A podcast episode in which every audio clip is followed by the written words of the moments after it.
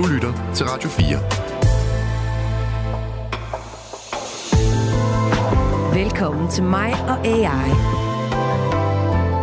Så er det igen tid til, at det skal handle om kunstig intelligens og undertegnet min mors yndlingssøn, enebarnet Oliver Sale. Og apropos min mor, så er det jo som bekendt, øh, når man flytter hjemmefra, så skal man jo stå på egne ben. Man skal klare det hele selv. Øh, men nu er der måske hjælp at hente med alt det svære og det kedelige. Den kunstige intelligens kan jo selvfølgelig ikke lægge dit vasketøj sammen, men så kan den så meget andet, eller kan den? Det er det, vi undersøger her i programmet. Hvad kan kunstig intelligens egentlig hjælpe os med? Er det mest intelligente ved kunstig intelligens, at man valgte at kalde den intelligent, eller er vi på vej mod noget, der kan tænke for os på godt og ondt? Det undersøger jeg her i Radio 4's program om AI, og heldigvis for mig, og ikke mindst dig, kære lytter, så får jeg hjælp af kompetente mennesker, der rent faktisk ved, hvad de snakker om. Og i dag har jeg inviteret øh, dig, Anissa, og hvem er du? Ja, først tak, fordi jeg må være med. Selvfølgelig. Øh, jeg er forfatter, og jeg er taleskriver. Jeg har arbejdet 14 år i statsministeriet som taleskriver, og det synes jeg egentlig var verdens bedste job. Jeg var rigtig glad for det. Mm-hmm. Men alligevel så sagde jeg det op for to år siden, fordi jeg havde fundet noget, jeg var endnu mere glad for, nemlig hva, hva, at skrive kan romaner. Det Nå, jeg skrive romaner, ja. Ja, så man kan sige, at jeg har byttet lidt rundt. Først så var jeg taleskriver på fuld tid med den hobby at være forfatter, og nu er jeg så primært forfatter, men mit hjerte banker jo stadig for taleskrivning, så derfor er jeg også glad for at være med i dag. Velkommen. Og så har vi en anden øh, i studiet her. Det er jo øh, dig, Oliver, som jeg jo faktisk kender, fordi du er en del af redaktionen, men øh, du, det kan du måske lige selv fortælle. Hvem, hvem, hvem er du? Øh, ja, altså jeg, nu har vi været igennem nogle gange, men øh, jeg er journalist på programmet her, og også en del af redaktionen, og får øh, i ny og næ æren af at få lov til at være vores prompter ja. her i programmet. Og prompter skal vi jo lige sige til dem, der ikke lige har fanget den endnu, så er det ligesom det, man beder en chat-GPT, øh, altså det, det, vi kalder, altså det, som er den kunstige intelligens på computeren, man kan bede om alt muligt. Det er ordren, man giver, det er en prompt, svarer lidt til, hvad man skriver i et Google-felt, øh, når man søger noget. Så her er det mere, kan du hjælpe mig, eller kan du gøre det og det. Yes. Øhm, nu øh, er der jo ikke kamera på her i, i, øh, i, i radio. Øh, men så, så bare lige for også at kunne give et andet indtryk, når man nu ikke kunne se, uh, så, så plejer jeg også lige at have altså starte med en, en, en fun fact. Og Anita, har du en eller anden fun fact, uh, et eller andet om dig, der siger noget om dig? Ja, det, jeg synes, det er jo et virkelig svært spørgsmål, det med ja. fun fact, fordi jeg, det bør ikke være sjovt. Måske er jeg ikke så funny, men jeg, jeg laver alligevel noget, jeg selv synes er sjovt i mm-hmm. hvert mhm. fald. Jeg samler på gode sætninger. Ah, det er sjovt. Når jeg læser en bog, så sidder jeg altid med sådan nogle mini-post-it og sætter ind på siderne, så hvis man tager en bog ud af min bogreol, så er der som regel sådan en masse gule sædler i. Også hvis jeg hører noget i radioen, eller hører en tale, en rigtig god sætning, så skriver jeg det ned i min notesbog, eller i et ja. dokument på min computer. Har du en sætning, der lige sådan kommer, comes to mind, som man øhm, siger på dansk? Jamen, for eksempel så læste jeg Ida Jessens essay-samling, endnu en bog, jeg aldrig skrev. Ja. Og der er, der er mange gode sætninger, men hun har for eksempel en sætning, bærende på en tekande, gik vi ud til den store kirkegård, hvor Glenn Gould ligger begravet. Og sådan nogle, en sætning, synes ja. jeg er rigtig god, fordi den er så konkret. Det er jo det abstrakte, det er tit kedeligt, ja. men de helt konkrete ting, der ser man det for sig. Ja. Så det er den type sætning, jeg godt kan lide. Og det kan også være en sætning med et rammende billede. Det er ret sjældne at der er et rigtig godt sprog. Men det har jo også sådan en, det har alligevel en sådan stærk forbindelse til dit arbejde, tænker jeg, at den yeah. måde ligesom at hele tiden holde øje for, at man får sagt et eller andet, som... Ja. Jamen på den måde er mit arbejde når tæt knyttet til den, jeg er. Ja. Især nu, hvor jeg har sagt sådan mit dayjob op ja. og er forfatter. Hvad med dig, Har du øh, noget godt at byde på? Jeg synes også, at jeg skal komme efter sådan nogle utrolig intellektuelle og spændende øh, fun Så kan du så meget andet. Øhm, jeg fik lige smidt den efter mig en halv time før vi startede med at optage her. Jeg også lige skulle finde på noget nyt. Ja, du har jo været med før. Ja. Så Kredsmester jeg... i badminton var det, men øh, ja, nu må du finde på noget nyt. Nu må jeg finde på noget nyt. Ja. Jeg, altså, jeg har, jeg har et, et, et lidt for syret forhold til mælk, tror jeg.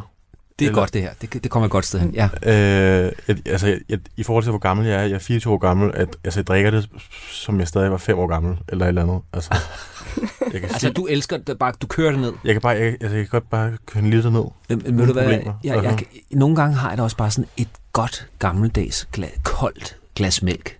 Det kan, det kan være sindssygt lækkert. Altså. Ja. Specielt altså, hvis man er tømmermand eller et eller andet. Ja, ja. Ui ja, det er... Jamen, det er smukt. Det er en god måde at starte dagen på. Vi må hellere se at komme i gang med programmet, inden vi, vi øh, øh, fortaber os i mælkens øh, fortræffeligheder. Som nogen måske har luret, så øh, nu indledte jeg jo med at snakke med min mor og min mor. Og det skal jo ikke handle om min mor, men så alligevel måske skal det handle om vores allesammen mor og mor, nemlig Mette mor. Mette Frederiksen skal jo holde et nytårstale lige om lidt, 1. januar. Og øh, jeg øh, så et opslag på Instagram. Nu, nu har Mette Frederiksen jo en, en, øh, en, en Instagram-side, som, som er sådan meget... Øh, det, det, ja, Mette. Det, det, meget midteagtige med nogle af de der øh, øh, makralmad og, og, ja. og pusse vinduer og, og se, jeg ser håndbold og sådan noget. Så kom der så, og det, det kan sådan være lidt, hvad hedder sådan noget, øh, men det kan man sådan, kender ikke det, man, man følger noget, fordi man synes, det er så irriterende, så man bliver nødt til at have mere af det.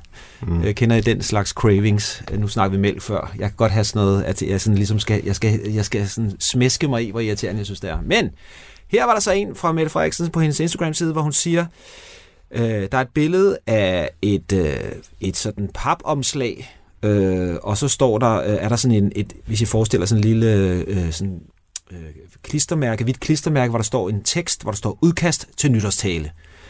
Øh, og så inde i det papomslag ligger der til synlædende en tale. Jeg ved ikke, om det er rigtigt, men det er i hvert fald det, det forestiller, og det ligger på et skrivebord, hvor der er en lille nisse, og så er der et, øh, en lampeskærm. Og så står der i teksten, øh, der er ikke engang en uge til jul, så nisser kigger med i dag, hvor jeg sidder hjemme og skriver på den nytårstale, jeg skal holde på næste års første dag. Talen er ved at være færdig, men er der øh, noget, du synes, der er særlig vigtigt, så vil jeg gerne, øh, så i denne tid, så send gerne en kommentar. Det er jo sådan lidt klassisk, øh, jeg skal have trafik på min øh, Instagram-side, så jeg vil gerne bede dig om at skrive et eller andet, hvor jeg sådan tænker, kommer sådan en kommentar overhovedet med? Og Anissa, du har jo skrevet, sta- du har jo skrevet taler fra statsministeren, så, så hvad tænker ja. du om det? Altså jeg tænker, når man skriver det på Instagram mm. eller Facebook, så er man nødt til at tage noget med mm-hmm. de kommentarer, der kommer. For Altså man opfordrer til en dialog, og den skal man jo følge op på. Og Lykke, han gjorde faktisk det samme i 16, så altså til sin nytårstale 1. Ja. januar 17, der havde han da også lagt ud på Facebook, er der nogen ønsker, hvad skal jeg tale om? Mm-hmm. Og der valgte han at svare på den måde, at han brugte et citat af Gulddreng, ja. der havde været kæmpestor i ja. 16, og der var en, der skrev, kan du ikke skrive noget om, at Gulddreng har lavet nogle hits? Og så lavede han ligesom sådan en skjult citat fra en gulddrengs sang. Og det citat ville man jo kun opdage, hvis man kendte gulddreng. Jeg kendte ham ikke, for eksempel. det var en tale, du var med til at skrive? Ja, ja, men det var så ikke mig, der satte det ind. Jeg tror Nå. faktisk, det har været Jakob Brun, Lykkes rådgiver, der, der satte Men det var så skjult, så det var kun ham, der havde sendt den øh, øhm, opfordring ind, der vidste, at det var... Jeg vil tro, at folk, der kendte gulddrengs sange, de har, ah, okay, de har måde, ligesom ja. kunne... Men det var ikke sådan, han bagefter sagde, at det her var et citat fra gulddreng. Det synes jeg var meget så, så han gjorde det faktisk sådan lidt subtilt. Og Mette Frederiksen, hun bruger også samtidig sådan lidt skjulte citater, hvor hun bruger en linje fra en sangtekst, og hvis du genkender den, så tænker du, ej ja, mm. det var lidt finurligt. Og hvis du ikke genkender den, så... Nu, nu siger du, det, det, fordi... Så, jeg, Måske jeg, jeg, jeg forholder mig lidt skeptisk, ja. fordi jeg tænker, når jeg ja. ser det her, så tænker jeg, hun, øh, man har ligesom mere eller mindre skrevet et udkast til talen, ja. øh, så skriver man den opfordring, så er der chancen for, at der er nogen, der spørger om et eller andet, som rammer noget, der i forvejen er i talen, øh, gør, at øh, så øh, føler de sig hørt, men i virkeligheden havde man skrevet talen i forvejen. Så kommer jeg til at tænke ja. i hvert fald. Altså det er jo ikke sådan, at hun tager et helt nyt tema op, der fylder halvdelen af talen, fordi nogen har foreslået det på Instagram, men jeg vil tro, at hun vil tage en eller anden kommentar ind, sådan man vil opdage, man kan opdage den kommentar, og det ja. vil jo også være nogen, der bagefter siger, hendes rådgiver vil vel sige til, til journalisterne, det hun har faktisk taget det ind der og der. Vi skal jo til at sk- ja. Øh, skrive en tale, men lige ja. inden vi går i gang med det, så, så, så, så vil jeg bare lige spørge dig det. Jeg synes, nu siger du hele tiden at, øh, om Mette uh, Frederiksen, at så vil hun nok tage det ind i talen, men det er jo dig, der er taleskriveren.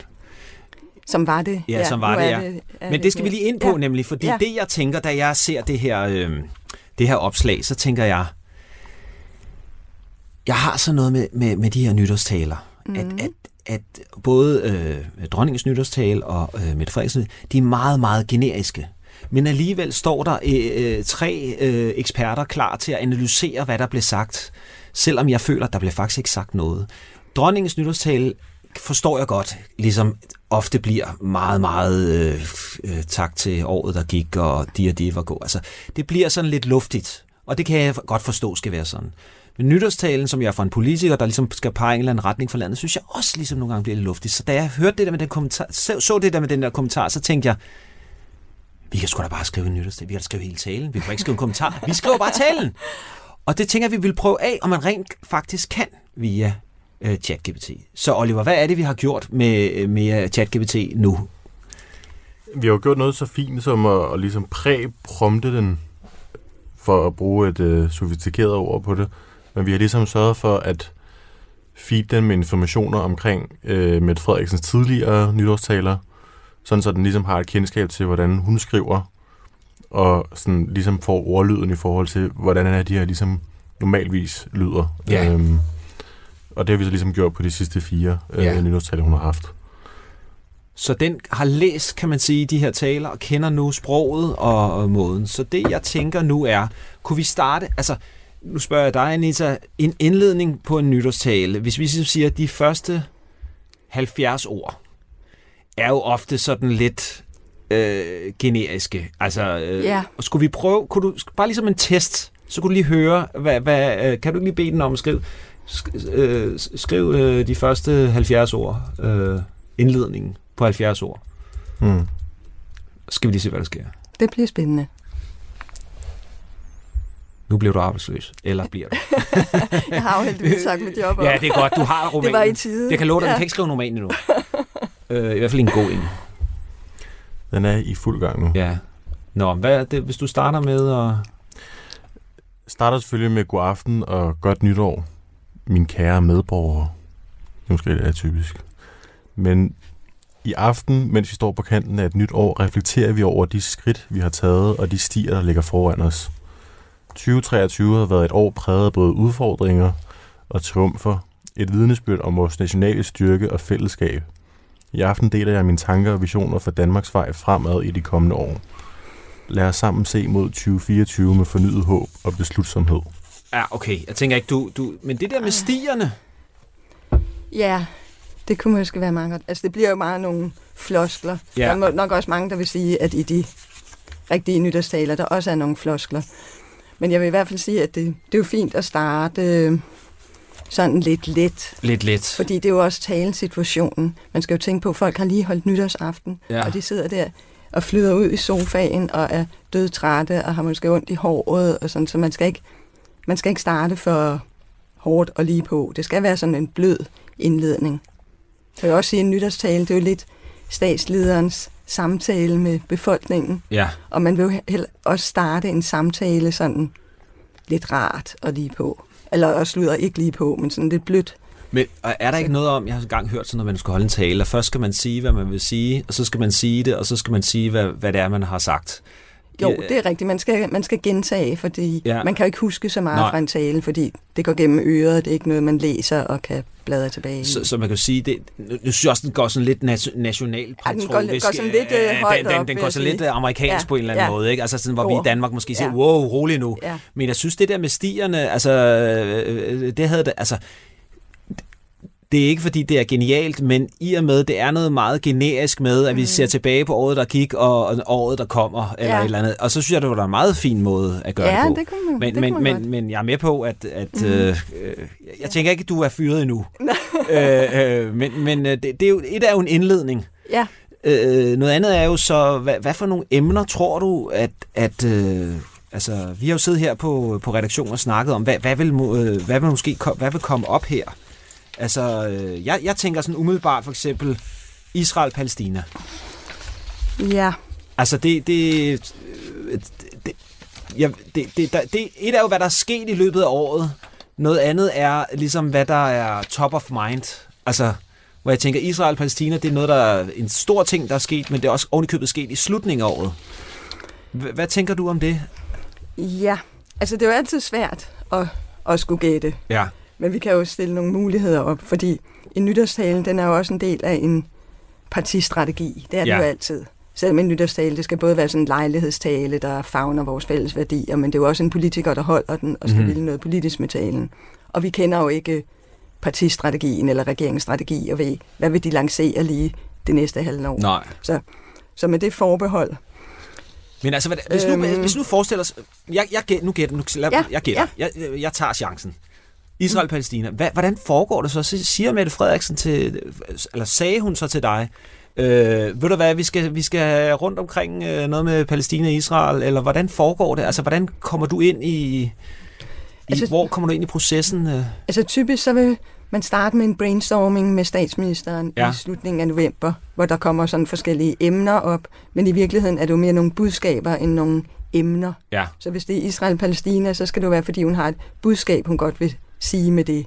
Så okay. det er ikke bare at sige noget om noget, men det er at have et hvis du så leger, jeg er statsminister, ja. så siger ja. jeg til dig, jeg tror, at Mette Frederiksen har fortrudt øh, at hun var så...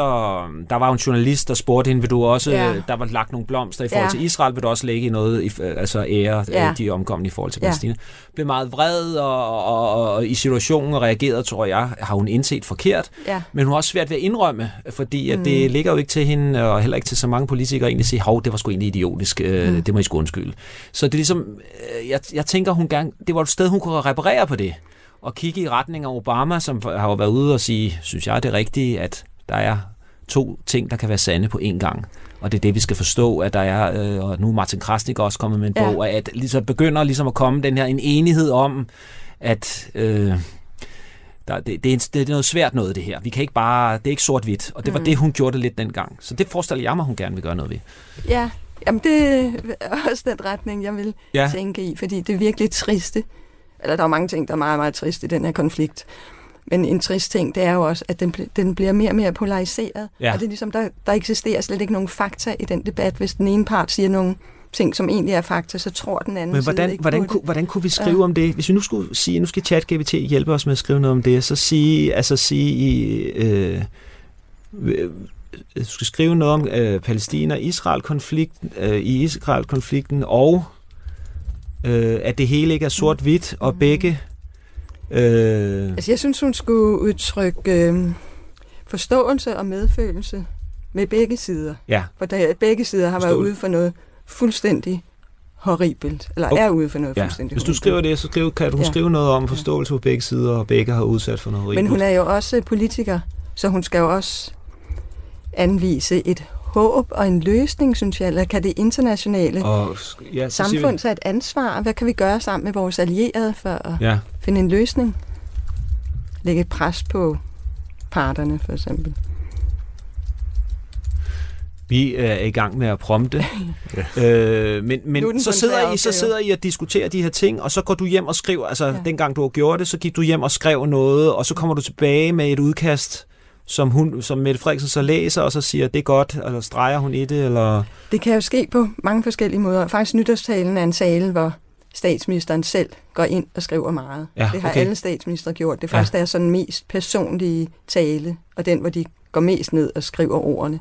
Så det kan også være, at statsministeren starter med at skrive et udkast. Ah, og så har du sådan lidt en, en, hvad skal man sige, øh, som har skrevet stil i 9. klasse, og så ja. er du lidt øh, dansklæreren, ja. der siger, vil du være med det? det øh, sådan kan man altså ikke lave en sætning, eller der skal være komma efter. Øh, sådan vil, sådan vil jeg ikke sige det, men altså, den kan starte forskellige steder. Det kan være statsministeren, der starter, eller det kan være talskriveren, der starter, og her var det jo og man kan jo også være mange involveret. Der er jo nogen, der har forstand på udenrigspolitik i, i statsministeriet. Det kan også være dem, der leverer et udkast et, til... Fordi, et udkast til lige det afsnit, eller er med i diskussioner. Hvis nu jeg var... Ja, undskyld. Ja.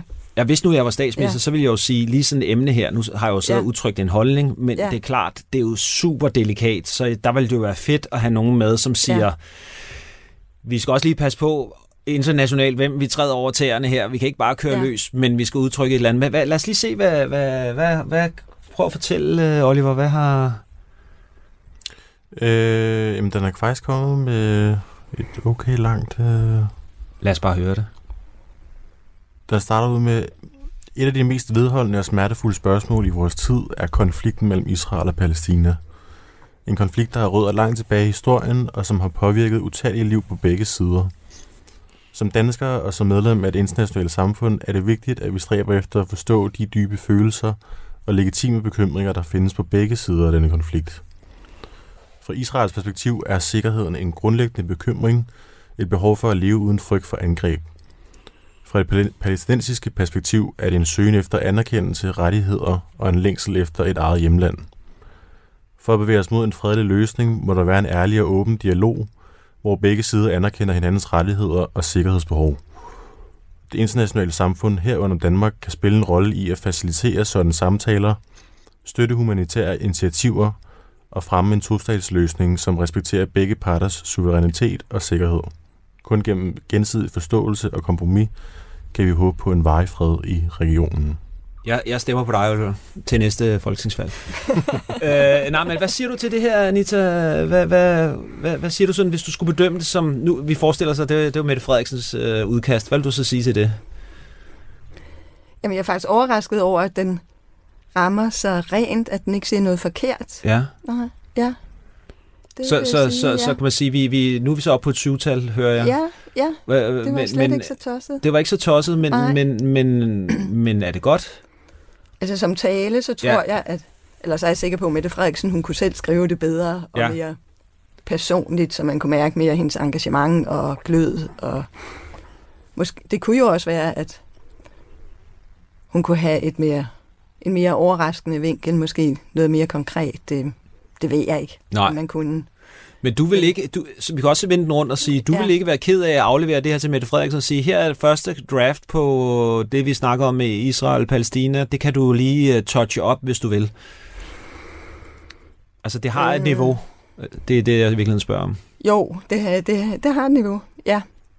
Jeg kan se, altså, du, ser, vil... du ser faktisk lidt uh, oprigtigt overrasket ud over... Ja. ja, jo, jeg vil tro, at der var flere sådan fejl, ligesom ja, nu ja. der i indledningen, hvor hun sagde, hvor, hvor AI sagde medborgere. Ja, ja, ja. det var et ord, hun jo aldrig ville bruge. Vel, der var mm. klart nogle fejl. Her synes jeg ikke, den fejlede lige så på ja. samme måde. Hva, hva, okay, men så, så synes jeg, altså, så lad os, altså enten skal vi forsøge at forbedre det, eller så skal vi gå videre. Altså, hva, hvis, hvis du vil forbedre det her, hvad vil du så sige, der manglede? Um, jamen, så vil jeg bruge nogle mennesker til at få noget mere input. Så vil okay. jeg diskutere det med mine øh, kolleger i udenrigsområdet og sige, hvordan giver vi det her okay. mere nerve og øh, mere personlighed, og, og kunne der være et mere konkret budskab fra, hvad Danmark kunne gøre? Prøv, prøv lige at spørge den, kan, øh, kan du tilføje til det her et konkret budskab, der også har lidt nerve? Øh, øh, hvad var det andet? Du brugte det andet ord også? Øh, øh ja, måske mere engagement. Engagement. Så man kan mærke, at det er et menneske, der siger det her. Ja. Men jeg tror også, altså, en af problematikkerne er jo også i forhold til, at man skal se udgangspunkt for sådan en udenrigspolitisk det er poli- klart. Altså politik, man kører på det, ikke? Altså, og det, mm. det ved jeg simpelthen ikke, om, om, Jamen, den, se, hvad der sker. om den kan... Om den også er diplomat. Ja. okay, nu skal den tænke, kan jeg se. Ja. Altså, hvad for nogle taler? Altså, er der, er der, sådan, er der en tale, du har skrevet, været med til at skrive, en nytårstale, du har med til at skrive, der sagde, okay, den, den her, den bliver god? Ja, jeg synes, Lykkes tale om efterlønnen i ja. 2011, ja. uanset hvad jeg politisk måtte mene om ja. den, så synes jeg, den var god, fordi den ville noget. Og det vigtigste med en tale, det er jo, at den skal ville noget. Og, og, og nu får jeg lyst til at, at slå på mit vandglas for at sige, at det er præcis det, der er min pointe. Det er det, der er så svagt ved de nytårstaler, det er, at de vil ikke noget. Nej. Fordi når de vil noget, så, fø, så kan man sige, for det, det er jo det, jeg tænker, altså i og med, det er en statsminister, der holder en tale, så føler jeg, nu skal I høre her, venner, øh, det er det her, de overordnede linjer for det nye år, og det, der skete i året, der gik, var det og det, og det fejlede vi, eller gjorde forkert. Det er det, jeg synes er så svagt ved det, når det bare, bla, altså, når det sådan, fordi dronningens nytår sagde, ja ja, hun snakker lidt om vind og vejr og Grønland, og det er fint, og det, så skåler vi, og så starter festen og sådan noget. Ikke? Jeg synes, det er så svagt, og det er interessant, du siger det, fordi det, ja. det er jo nærmest måske den eneste tale, hvor vi kan huske, hvad der blev sagt. Ja, Jamen tit så bliver nytårstalen måske ikke brugt til nok, vil jeg sige her i bagspejlet, selvom jeg var med til at, at skrive en del af dem. Øhm, for det er jo en kæmpe chance for en statsminister, der sidder to millioner mennesker ja. og ser med og lytter med. Og øhm, det er jo både dem, der har stemt på den statsminister, og også dem, der har stemt på en anden statsminister. Ja. Ikke? Så det er ligesom en kæmpe chance for at få hele befolkningen i tale, eller en meget stor del af befolkningen. Men det er en meget svær genre, fordi dels så er det en svær situation, man sidder der bag et skrivebord, og det går ud gennem fjernsynet, og folk sidder derhjemme og er dødtrætte og med tømmermænd. Og der var faktisk kun et år, hvor man kunne regne med, at folk ikke havde tømmermænd, og det var talen 1. januar 21, hvor der stadig var coronarestriktioner. Og man Kæft, ikke jeg havde Jeg forstår, hvad du mener. Der er måske ikke så stor en fest. Ja, men... Øh, Altså, det er en svær situation, og det er en svær genre, for der er så forskellige forventninger til den. Men, men er grunden til, at det, det står ud af det der... Nu ja. ved jeg ikke så meget om taler, øh, det kan ja. ved du heldigvis. Jeg ved en lille smule om dramaturgi, og man snakker meget om, at det er det skandaløse element, der gør en historie dragende. Ja. Altså, nu bare et eksempel. Altså, festen, hvad sker der? Det er meget ja. skandaløst, at sønnen stiller sig op og holder en tale, hvor han ja. taler om, om øh, incest. Øh, øh, men, men, men uden sammenligning øvrigt med Lykkes mm. så er det jo ligesom, wow, han siger noget, vi afskaffer efterlønnen. Det, det er jo ligesom, så, kom, så kommer vi op i stolen. Ja. Er det det, der gør, at... at Altså, en taler er tit interessant, hvis de bryder en genre. Det var det samme, Sofie Linde gjorde med sin fantastiske tale. Ja, hun, god pointe. hun kom med et øh, virkelig stærkt budskab, hvor, man, hvor folk forventede, at det her det er sådan en hyggelig fedt mm-hmm. kusinefest, og nu skal vi have det lidt sjovt. Og, hø, og så, så fik hun virkelig sat et aftryk. Og det var det en god tale, den skal jo sætte et aftryk. Men, men det er jo også det, du siger, den bryder med, med, ja, den bryder den, med, den genren. bryder med genren, ikke? og ja. det er jo også det, han gør i festen. Han bryder jo ja. altså 10.000 procent med genren. Ikke? Altså, jo. det skulle være en, en, en fødselsdagstale, og så mm. blev det et, et, en afsløring. Ja. Nå, men, men øh, hvad, hvad, nu bad vi jo øh, øh, ChatGPT om at, at skrive noget lidt mere. Vi, den lige får noget efterkritik, og nu kommer den med noget. Hvad kom den op med? Ja, nu har den skrevet Konflikten mellem Israel og Palæstina er mere end blot politiske positioner og historiske stridigheder. Den er en fortælling om menneskelige skæbner, om familier, der længes efter fred, og om unge, der drømmer om en fremtid uden frygt. Jeg tænker ofte på de israelske mødre, der sender deres børn i skole med en bæven i hjertet, usikker på, om dagen bringer sikkerhed. Og jeg tænker på de palæstinensiske familier, der lever i skyggen af usikkerhed og frustration, drømmende om et liv, hvor frihed er en realitet, ikke blot en fjern drøm. Vores engagement i denne sag skal være rodfæstet i en dyb empati for alle dem, hvis liv er været ind i denne konflikt. Som leder af en nation, der værdsætter fred og retfærdighed, eller retfærdighed, føler jeg det som min pligt at opfordre til en løsning, der anerkender og beskytter menneskers rettigheder og værdighed på begge sider. Vores rolle, både i Danmark og som en del af det internationale fællesskab, skal være, skal være at være brobyggere at tilbyde en hånd i forståelse og støtte ægte, bæredygtige skridt mod fred. Det er min overbevisning, at med tålmodighed, mod og et ægte engagement i menneskehedens fælles gode, kan vi bidrage til at skabe en ny æra af håb for Israel og Palæstina. Hold da kæft. Hvad siger du, Anita, til det der? Ja, det er igen det sammenhængende. Altså, det bliver måske sådan lige... Det er lidt langt. Lige højdragende ja. og abstrakt. Altså hun kommer men, for men, højt op. Men, ja, men altså der er noget... Ja, vi kiggede begge to på hinanden lidt anerkendende ja, med den jo. der en realitet, ikke blot en, en fjern drøm. Og, ja. og det er billedet med, billedet de, med, med, de to, med møderne er jo godt, ja, ikke? Jo. Jeg, jeg vil sige også, efter det med realitet fjern drøm, der kunne man godt, der vil jeg måske redigere resten ja. ud. Men jeg synes, det begyndte at have en... Eller, det er dig, der er eksperten, undskyld. Hvad, hvad synes du? Jamen, det hænger sammen, og mere end jeg ville have forventet. Ja. Helt sikkert. Men det er måske også, det bliver sådan nogle lidt glatte ord, ja. som man måske ikke rigtig husker. Hvad, hvad, kunne, hvad, hvad, hvad er glatte ord? Prøv at fortælle om det. Jamen det synes jeg, det der er lidt for abstrakt, det også når hun, hun den bruger ordet engagement. Ja. Altså man, skal jo ikke, man er jo ikke engageret, fordi man bruger ordet engagement, og til sammen, man har jo heller ikke stærke følelser, fordi man bruger ordet følelser. Man skal jo ligesom vise det med nogle mere konkrete ord. Mm. Der er vi måske tilbage ved det med tekanden. Ja, og, og, lige altså, præcis. Hvor, hvor, der kan man... Ja. Der, der, der, og der er jo, der er jo et eller andet omkring, oplever jeg i hvert fald, jeg hører efter, når det er omkring øh, de to mødre. Og ja. det, det er en menneskeliggørelse, ja. og hun er jo selv en mor, og mm-hmm. øh, det kunne et eller andet, som, ja. jeg, som jeg synes er overraskende, når det kommer ud af en computer. Ja, jamen det er helt øh, rigtigt. Men der er måske lidt det med, jeg tror måske lidt computeren tror, at når man bruger store ord, ja. så siger man noget stort. Og sådan er det jo ikke. Nej. Det, man skal beslutte sig hvad man, hvad, for, hvad man vil sige. Hvis man har et stort budskab, så er det stort. Men man kan godt sige det med nogle små, konkrete ord.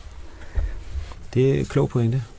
Men det kører måske også det for sådan, altså, det er i hvert fald også sådan et journalistisk princip, og tænker også, at det er meget gældende sådan, også for forfattere, Ja, at altså show it, don't tell it, ikke? Jo, Altså, at man jo, det er rigtigt. ikke nødvendigvis skal skrive det så konkret, men gerne få det lidt længere ud, så det ikke ligesom bare er så banalt. Ja, Altså. jo, og man må netop gerne skrive det konkret, men Ja. ikke med, ikke med de der Nej. banale Nej, ord. Ja. Men det, det tror jeg, der var vi jo også Mhm. enige om. Det er jo der med, med moren og, og, og de drømmer Ja. om, at det er, det er noget, der, er- der ikke bare er en fjern drøm. Ja. Det, det kunne vi Ja, tage det var videre. fint. Ikke? Ja. Mm-hmm. Nå, men skulle vi prøve at tage et andet emne op? Øh, hvad, har, du, har, har du noget, Anita, som du tænkte, du vil, hvad vil du, du sad til brainstorm nu her med, med Mette Frederiksen, så vil du sige, hvad med, Øhm, jamen, jeg synes egentlig, hun skylder at forklare, hvad der er lykken ved en SVM-regering. Hvad er det, den ja, helt særligt kan? De startede med at sige, at de, der var nogle store problemer, de ville løse. mm-hmm. Og i forlængelse af det, så synes jeg, de skylder at sige noget om velfærden og kvaliteten i den offentlige sektor. Og det har jo egentlig været en mærkesag for Mette Frederiksen helt fra hun holdt sin første åbningstale i 19 og sagde, at hverdagens velfærd mange steder er blevet dårligere, og vi har for meget projektvelfærd, og vi har for lidt omsorgsvelfærd. Og hele den idé, Mhm. mm-hmm. de har selvfølgelig fulgt noget op med os nu, de giver, har aftale, lavet trepartsaftaler, altså det er ikke fordi, de ikke har lavet noget, men jeg synes, det kunne være fint at få mere på den dagsorden. Et Og- stærkt budskab det, der. det, det er også noget, vi har snakket om, nok vil komme Ja. op. At der er jo en eller anden, sådan, der skal jo være sådan en, et, li- ligesom øh, bestyrelsen aflægger en årsrapport, så skal der, Mhm. eller hvad sådan noget hedder, årsberetning, så skal der vel også være et eller andet med, hvad er det gode ved det her projekt? Ja, men måske ikke så meget som års beretning, men mere som noget, der ser fremad. Noget, der ser og fremad, det, okay, vi ja. diskuterer de, de kommende måneder. Men tror du ikke, der skal være noget med, øh, med Jakob Ellemands øh, farvel til, eller tror du, hun vil springe Nej, over det? det- Det tror jeg ligesom, det, det er Det, det snakker vi ikke om. færdigt. Nej, det er der ingen grund til at snakke mere om. Okay. Det, er, det er jo sket. Det, det vil jeg ikke forvente. Det vil du, det vil du ikke Nej. forvente, at hun... Altså, øh, hvis der var noget, hun skulle se tilbage på, så var det måske mere det, at altså i en anden retning, at efterretningstjenesten har jo afværget et terrorangreb. Ikke? Det, Ja, sådan det tager vi bagefter. Nej, det tager vi Ja. bagefter. Men, Ja. men lad os lige holde fast i det der. Du siger, fremadrettet, hvad er, hvad er der med det her øh, regeringsprojekt? Ja, Øh, hvad, hvis vi lige giver, øh, vi siger, okay, hvad kan vi give ChatGPT'en, som den kan skrive for os? Altså, hvad vil du så sige, den skulle skrive noget om? Mm. At nu skal vi have mere omsorgsvelfærd og mindre projektvelfærd. Mere omsorgsvelfærd, mere ud. Hvad, hvad mener du sådan, hvad, hvis vi kunne hjælpe den Øhm, jeg med? mener, eller det, som jeg tror, Mette Frederiksen mener, Ja. at, øhm, og i virkeligheden jo også øh, Lykke og måske også Venstre, at velfærdssamfundet er blevet indhyldet i for meget byråkrati og vi skal mange afbryde... regler, og der er blevet for lidt tid til det, som er, er Ja. velfærdens opgave, nemlig at give borgerne en god service. Og det gælder både Det for godt, ældre og for sundhed, og det gælder børnene skal lære noget i skolen. Det er sådan set hele vejen rundt. Ja. Mere respekt om, om dem, der arbejder i velfærden, og dermed en bedre velfærd til borgerne. Måske også en tråd ud til det her med, at vi har været for, hvad skal man sige, ivrige efter at indføre sådan, hvad kalder vi det, moderne digitale computer og iPads i undervisning og sådan noget. Eller hvad? Ja, det er, jo, det er vel også en Ja. del af det. Øhm, Mm. Men skal det være, altså, skal det så også være indnud i forhold til, hvordan er det så SVM-regeringen altså ligesom kan opnå det? Altså, der, Ja, der, de, de skylder tror, at komme med noget konkret. Ja. Men lad os, Noget ja, mere konkret. mm, vi prompter lige videre her. Men det var sådan noget, hvor jeg ville være ret skeptisk over for, om det er noget, en robot kan klare, for det kræver nogle regeringsbeslutninger. Det er klart. Men kan man Mhm. ikke sige, altså der hvor jeg oplever, at øh, hvad skal man sige, kunstig intelligens er i forhold til ChatGPT, og det er, det, den er rigtig god til det generiske, og det er jo lidt det, som jeg synes meget ofte kendetegner nytårstalen. Man, Ja. taler, man taler jo sådan rundt om emnet, men, ja. men i modsætning til, til efterlønnen, mm. Hvor man er ekstremt konkret og siger, det er det, Ja. her, det er det her, vi gør nu, så er det lidt mere nogle sådan... Øh,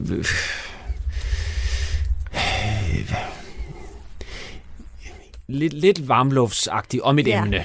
Ja. Øh, vi, det, vi er blevet for meget sådan og sådan, og for lidt sådan og sådan, og det er ikke det som sådan og sådan. Og så sidder man lidt tilbage, ja, okay, fint nok, ja. men hvordan? Ja. Øh, altså, der var jo et år, hvor hun erklærede sig, så lige nu er det børnenes, ligesom, øh, og, og, og, ja. Øh, altså, altså det, det er fint nok, men... men ja, det var, det var den første nytårstale. Ja. ja. Som jo egentlig lykkedes med at skabe en debat de kommende måneder. Det er rigtigt. Og det er jo også det, som tit er en nytårstales formål. Ja. Men det er rigtigt, det som øh, robotten kan hjælpe os med, det er de mere overordnede, sådan varme det, det er luftige. Og, så og det er jo faktisk det nemme. Det svære, ja, ja. det er jo det konkrete, ja. som vi kan huske indtalen for. Yes. Men det er jo også, som du siger, det, det kan du jo ikke øh, sidde og beslutte, når du skriver. Du, du, du kan indpakke det øh, øh, konkrete i... Mm i et, et godt sprog og en, en som du siger, øh, knap så florumbundet. Nå, er den kommet op med noget her? Den er i gang nu. Men det er også en lidt længere prompt, så den skulle ja. også lige ja. tænke sig lidt om. Den er begyndt her. Ja, hvad skriver du til den? Det må jo være svært at stille den de rigtige spørgsmål. Det er lidt det, der er sådan der kunsten ja. i det. Eller sådan, hvis man bliver god til det, så tror jeg også, altså, så bliver resultatet også endnu bedre, ja. ikke? Altså, jeg, jeg vil øhm. sige, efter det her program, så går du bare hjem, og så begynder du bare... jeg har aldrig prøvet det, Nej. men jeg forestiller mig, at det er svært. Men det tror jeg også, at hvis man ligesom har den altså, konkrete viden, altså det er jo ud fra, hvad du siger, øh, ligesom har skrevet lidt øh, ind i den prompt, men hvis man... Altså... Du skulle jo forestille dig, at vi kunne jo være blevet ved med det der Israel-Palæstina, og blive ja. kvalificere, kvalificere, kvalificere, kvalificere, ikke? Øh, ja, og så kan jeg lige sige til lyttere, at det vi er i gang med, det er, at vi er i gang med, at hvis der skulle være kommet nogle nye, øh, er vi i gang med at skrive et bud på øh, Mette Frederiksens nytårstale øh, her 1. januar, og øh, vi har heldigvis fået hjælp af et kompetent person, der rent faktisk ved, hvordan man gør sådan noget. Og det er dig, Anita. Nå, hvad, hvad, og så har vi så en computer, som nu siger hvad? Den starter med, øhm, i de senere år har vi i Danmark set en tendens, hvor vores øh, velfærdssystem er blevet mere og mere præget af byråkrati og projekttænkning. Det der har ført til, at de mennesker, som hver dag, hver dag yder en indsats i frontlinjen af vores velfærd, lærere, sygeplejersker, socialarbejdere og mange andre, ofte føler sig fanget i et net af regler og dokumentationskrav. Det er på tide, at vi bringer menneskeligheden tilbage i vores velfærdssystem. Vores regering, som er en bred koalition hen over midten, står sammen om et fælles mål, at skabe et mere empatisk og effektivt velfærdssamfund. Et samfund, hvor respekten for dem, der arbejder i velfærdssektoren, er i højsædet, og hvor deres erfaringer og viden er grundstenen i, hvordan vi udformer politi- politikere, nej, politikker og ydelser. Vi vil skære ned på unødigt byråkrati og give mere autonomi og tillid til de fagprofessionelle. De kender deres område bedst og skal have frihed til at bruge deres faglighed til at gøre en reel forskel i menneskers liv. Vores vision er en omsorgsvelfærd, hvor kvaliteten af den menneskelige interaktion er det centrale. Hvor vi måler succes ikke kun i tal og statistikker, men i reel livskvalitet og tilfredshed blandt dem, vi er sat i verden for at hjælpe. Som en regering, der spænder fra centrum venstre til centrum højre, har vi en unik mulighed for at forene de bedste idéer fra begge sider af det politiske spektrum – vi kombinerer en forståelse for markedsdynamikker med en dybfølt forpligtelse til velfærdsstatens grundprincipper. Vi tror på, at vi sammen kan finde balancen, hvor effektivitet møder empati, og hvor innovation møder omsorg. Vores fælles mission er at sikre, at Danmark fortsætter med at være et samfund, hvor velfærd er baseret på omsorg og respekt for den enkelte. Et samfund, hvor vi alle bidrager til, og alle nyder godt af et stærkt fællesskab. Bum. Hvad siger du, ja. Anissa? Jamen jeg vil sige igen, det er jo meget sammenhængende og sådan noget som et velfærdssamfund, hvor effektivitet møder empati. Den er jo faktisk god, fordi det, at der skal være mere omsorg, det betyder jo ikke, at det ikke skal være effektivt. Det skal jo stadig være effektivt i den betydning, at borgeren får en god service. En, ja, det skal være endnu mere effektivt. Og det er bogstav, bogstavrim, ikke? Øh, altså effektivitet og empati, øh, det er også lidt lækkert. Det, ja, det, det er rigtigt, og en modsætning er også altid godt. Men jeg vil sige igen, det bliver for overordnet, ja. for at vi skal... Det er jo det, man vil kalde sådan lidt nedsættende en rigtig politikertale. Men det er det, jeg mener. Det er det, ja. jeg synes er vildt, fordi jeg ja. som, som, som, hvad skal man sige, ja. nu vi, hvad hedder sådan noget, amatør ja. seer, jeg sidder ja. og tænker, det der, det, kommer, det kan komme ud af munden på hende. Altså, ja. jeg kan godt være, at jeg så sidder og tænker, ah, kæft noget, øh, det er jo florbunden generisk øh, halløj, men, ja. men, men øh, jeg, samtidig, så jeg er enig med dig, men jeg føler bare, at Mette Frederiksen kunne sige det der. Ja, Altså, der føler jeg, hun, hun vil sige det bedre. Hun vil bruge nogle hun vil gå et spadestik dybere og bruge nogle mere konkrete Men, men hvad, hvad kunne det så være, for eksempel? Øhm, altså, det, hun siger, robotten sagde et sted noget med, at øhm, vi har brug for de ansattes viden, eller sådan, ikke? Der ville hun jo komme med et helt konkret eksempel. Ah, okay. for sygeplejersken gør sådan og sådan, socialassistenten gør sådan og sådan, og indviklet i byråkrati og regler, der vil hun komme med et helt... Så, som for eksempel sige, at man skal et vi eller har- andet. Ja. Ja, vi, har, vi politikere, vi har jo vedtaget det og det, og det var dumt, og sådan ikke. Hun vil, Vil hun sige Måske- det? Altså, vi ja, har det gjort... hun. og det- ja, og det var dumt. Har hun, det har hun gjort. Okay, sejt. den type. Og måske også nogen, man kunne grine lidt af, Ja, fordi det er så absurd. Altså så kom med et godt billede på socialmedarbejderen, der skal Ja. gøre sådan og sådan for et eller Ja. andet. Ja. Så hun ville gøre det mere konkret, både i eksemplerne og i, hvordan der skal følges op. Men altså, der var der logik i det. Og, Så det du siger bare, Ja. at, nu siger jeg bare, for det er jo ikke bare, men Ja. det mangler nogle konkrete billeder, ja, som det er jo klart, at den, det har computer, det, det skulle vi jo så give den. ja, det er klart. Ja. Og så vil den jo tilføje den, og så vil vi måske have noget, der var Mhm. tæt på, at være Ja. noget, der kunne siges. Ja. Men tit, det er rigtig svære i en tale, det er jo at skaffe de der konkrete ja. eksempler. Og det kræver jo, at man, taler med mennesker. Eller i statsministeriet, så vil jeg jo typisk tale med mine kolleger, og det var dem, der ville skaffe mig de rigtig ja. gode historier, eller også ville Mette Frederiksen selv have de rigtig gode historier. Og den ville jo være rigtig god, Så. hvis man sige, kunne sige, øh, min mor var indlagt, og der oplevede jeg, at det var sådan, at Ja. før sygeplejersken kunne give hende noget medicin, skulle hun gøre et Ja. eller andet, der gjorde Ja. noget med at skrive ned, og det gjorde så, og det, Ja, det er jo klart, eller jeg mødte en på gaden, der fortalte mig, at, øh, altså Ja. det der med, at man, man Altså, det er jo ligesom de der, skal man sige, det, nu er det ikke for, ikke for at sammenligne med vandrehistorier, men det er en historie er altid god, når man siger, min, min fætter har en ven, som ja. Engang øh, var ude og køre mm. En bil, og så skete der det og det, ikke? Altså, der, er, der er altid godt, når man kan knytte det til, ja, til sig selv, og det, jeg snakkede med en, øh, ja. Jo, så det svære i en taleskrivning, det er tit at finde de konkrete eksempler, Ja. og så den konkrete politiske handling. Og det kræver, det er jo, der står jo tit mange mennesker inden over en tale, og skrive en tale af et samarbejde. hvor, hvor mange er I? Altså, hvor du sådan har, altså, hvis man siger alle dem, der er involveret i talen, hvor mange kommer vi så op på? Og en nytårstale, Ja. ja. det kommer lidt an på, sådan, hvor faglig den er, men der kan jo være på flere niveauer. Der er jo, Mm. Selvfølgelig først og fremmest er det jo statsministeren, der skriver i den, og så kan det være, at de politiske rådgivere er med, så er nogle talenskrivere, der er med, og, og så er der jo de faglige medarbejdere, for eksempel Palæstina, der vil jo være mm.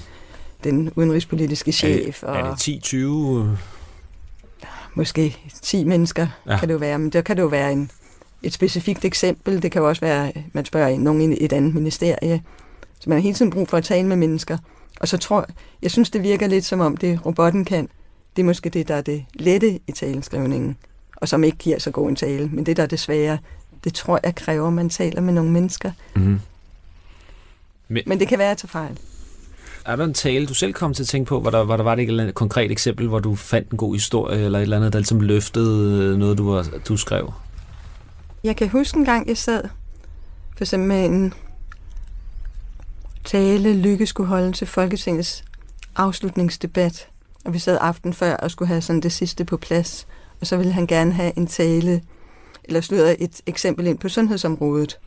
Og så ringede jeg hjem til en af mine kolleger, der sad med sundhed, og det var om aftenen, og min kollega skulle lige putte sit barn, og så ville han kigge på det, og han fik puttet barnet, og så ringede han tilbage til mig og sagde, om der er en borger, der skrev ind på et tidspunkt om, øh, nu husker jeg ikke helt konkret, hvad det var, men borgerens mor havde været syg, eller syderborgerens kone havde været syg, og var så kom gennem et forløb på sygehuset, og det havde været meget effektivt.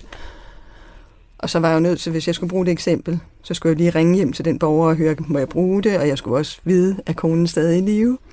Så jeg ringede en aften hjem til den borger, og sagde, jamen du har jo skrevet det her brev til statsministeren, og om din kone, der var syg, og borgeren siger så, ja, min kone sidder her ved siden af mig, vi i gang med aftenkaffen, og jeg fortalte så, hvad formålet var, og jeg fik så den historie, og fik lov til at bruge den. Så det, det kan være et eksempel på, hvordan man finder en historie. Klart. Ja. Øh, jeg, tænker, vi- jeg tænker, vi skal gå videre for det her emne. Ja. og prøve at se. Har, har du nogle andre emner? Altså, jeg har... Jeg har jeg har skrevet, øh, jeg har skrevet noget koran, øh, terrorlov. Øh, Hmm. Øh, øh, vi har ikke så lang tid tilbage, så det er måske mere, tror Nej. du, det er noget, hun vil komme ind på? Altså, Altså sagt, jeg tænkte, og jeg tænkte på, jeg ved ikke koranloven, men øh, jeg Men tænkte på med, at det kunne være en anledning til at rose efterretningstjenesten af politiet. Men der er ikke noget farligt ved at komme ind på noget med efterretningstjenesten og PET og Forsvaret efterretningstjenester, fordi man ligesom åbner op for en øh, Pandoras æske der. Nå, nej, det vil jeg godt synes, hun kunne. Okay, det kan hun godt lide. Det er konkret. Så sidder vi andre bare og råber hjemme foran fjernsynet, eller hvad? Øh, eller hvad tænker du? Hvorfor vil du råbe Nå, men fordi man tænker, du, du, jeg, nej, ikke mig, jeg vil ikke, jeg tror bare, at nogen vil, altså måske sådan noget, ja, men nu, nu siger du, øh, altså du bringer emnet frem, så er der ja. jo nogen, der synes, at altså noget... Altså med FE-sagen? Ja, præcis. Ja. Altså, at, så, så taler man jo pludselig højt om noget, et, at man strejfer noget, som... Nej, det vil jeg ikke synes. Det, var, det er ikke et problem? Nej, jeg vil ikke synes, man skulle have berøringsangst. Okay, det. så nu, nu øh, skal vi til at slutte her, så, ja. så bare sige... Altså, så men ellers vil jeg lige nævne klima. Ja, klima, ja, det, ja. Men det har vi så ikke rigtig tid til. Nej, Nej. Men, men der tænker du, det kommer hun også ind på, og det ja. bliver noget med, øh, med havet, der er rundt om os. Det vil, det vil jeg ikke. Nej. Nej. Klima, terrortrussel, øh, Israel, Palæstina, øh, hvad var det andet, vi lige snakker om? Det velfærd. var so- velfærd og sundhed. Ja. ja. Men man skal jo træffe nogle valg. En nytårstale, den skal jo ikke handle om alt muligt. Nej. Det er jo bedre, at den kun handler om nogle få ting. Ja. Det er tit desværre, fordi man bliver altid kritiseret. Hvorfor var der ikke noget om det? Hvorfor var der ikke noget om det? Ja.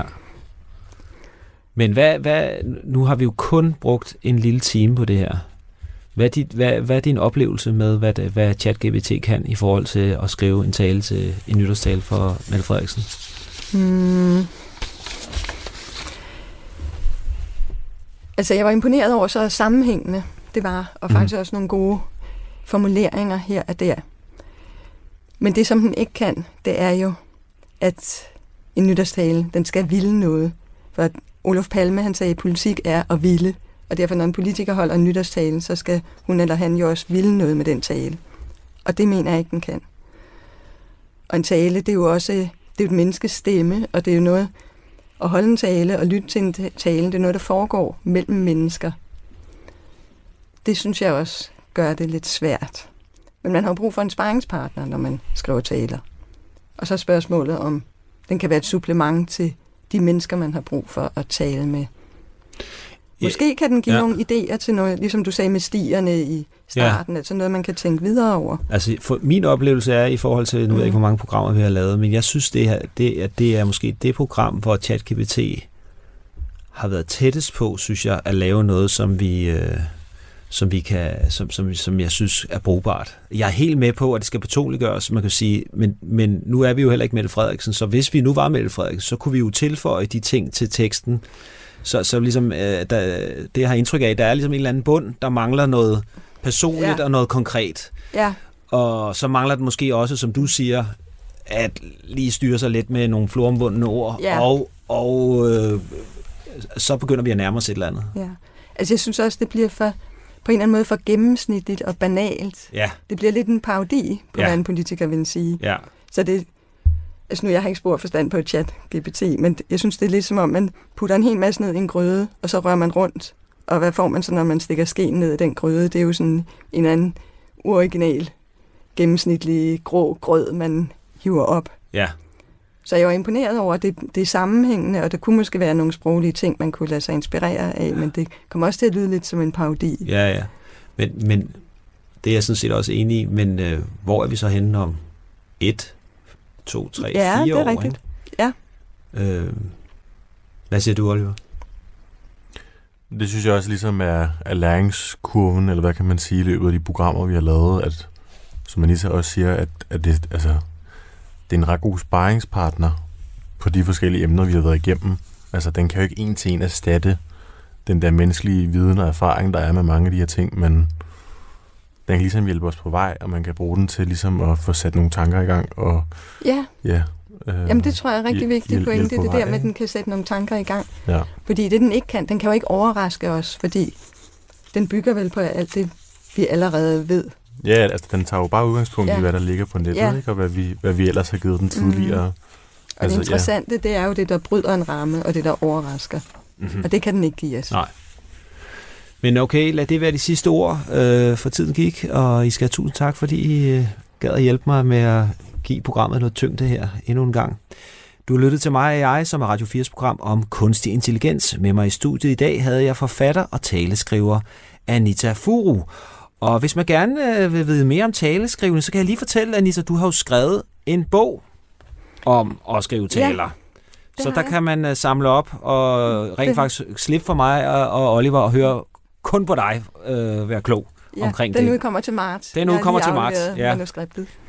Held og lykke med den, den glæder mig til at læse. Og til at hjælpe med at skrive herinde i studiet og skrive prompt på, på computeren, der var det Oliver øh, Rosted, som er journalist og også er redaktion. Jeg hedder Oliver Sale, og min producer og redaktør er Louise Witt Hansen. Du lytter til Radio 4. Du har lyttet til en podcast fra Radio 4. Find flere episoder i vores app, eller der, hvor du lytter til podcast. Radio 4 ikke så forudsigeligt.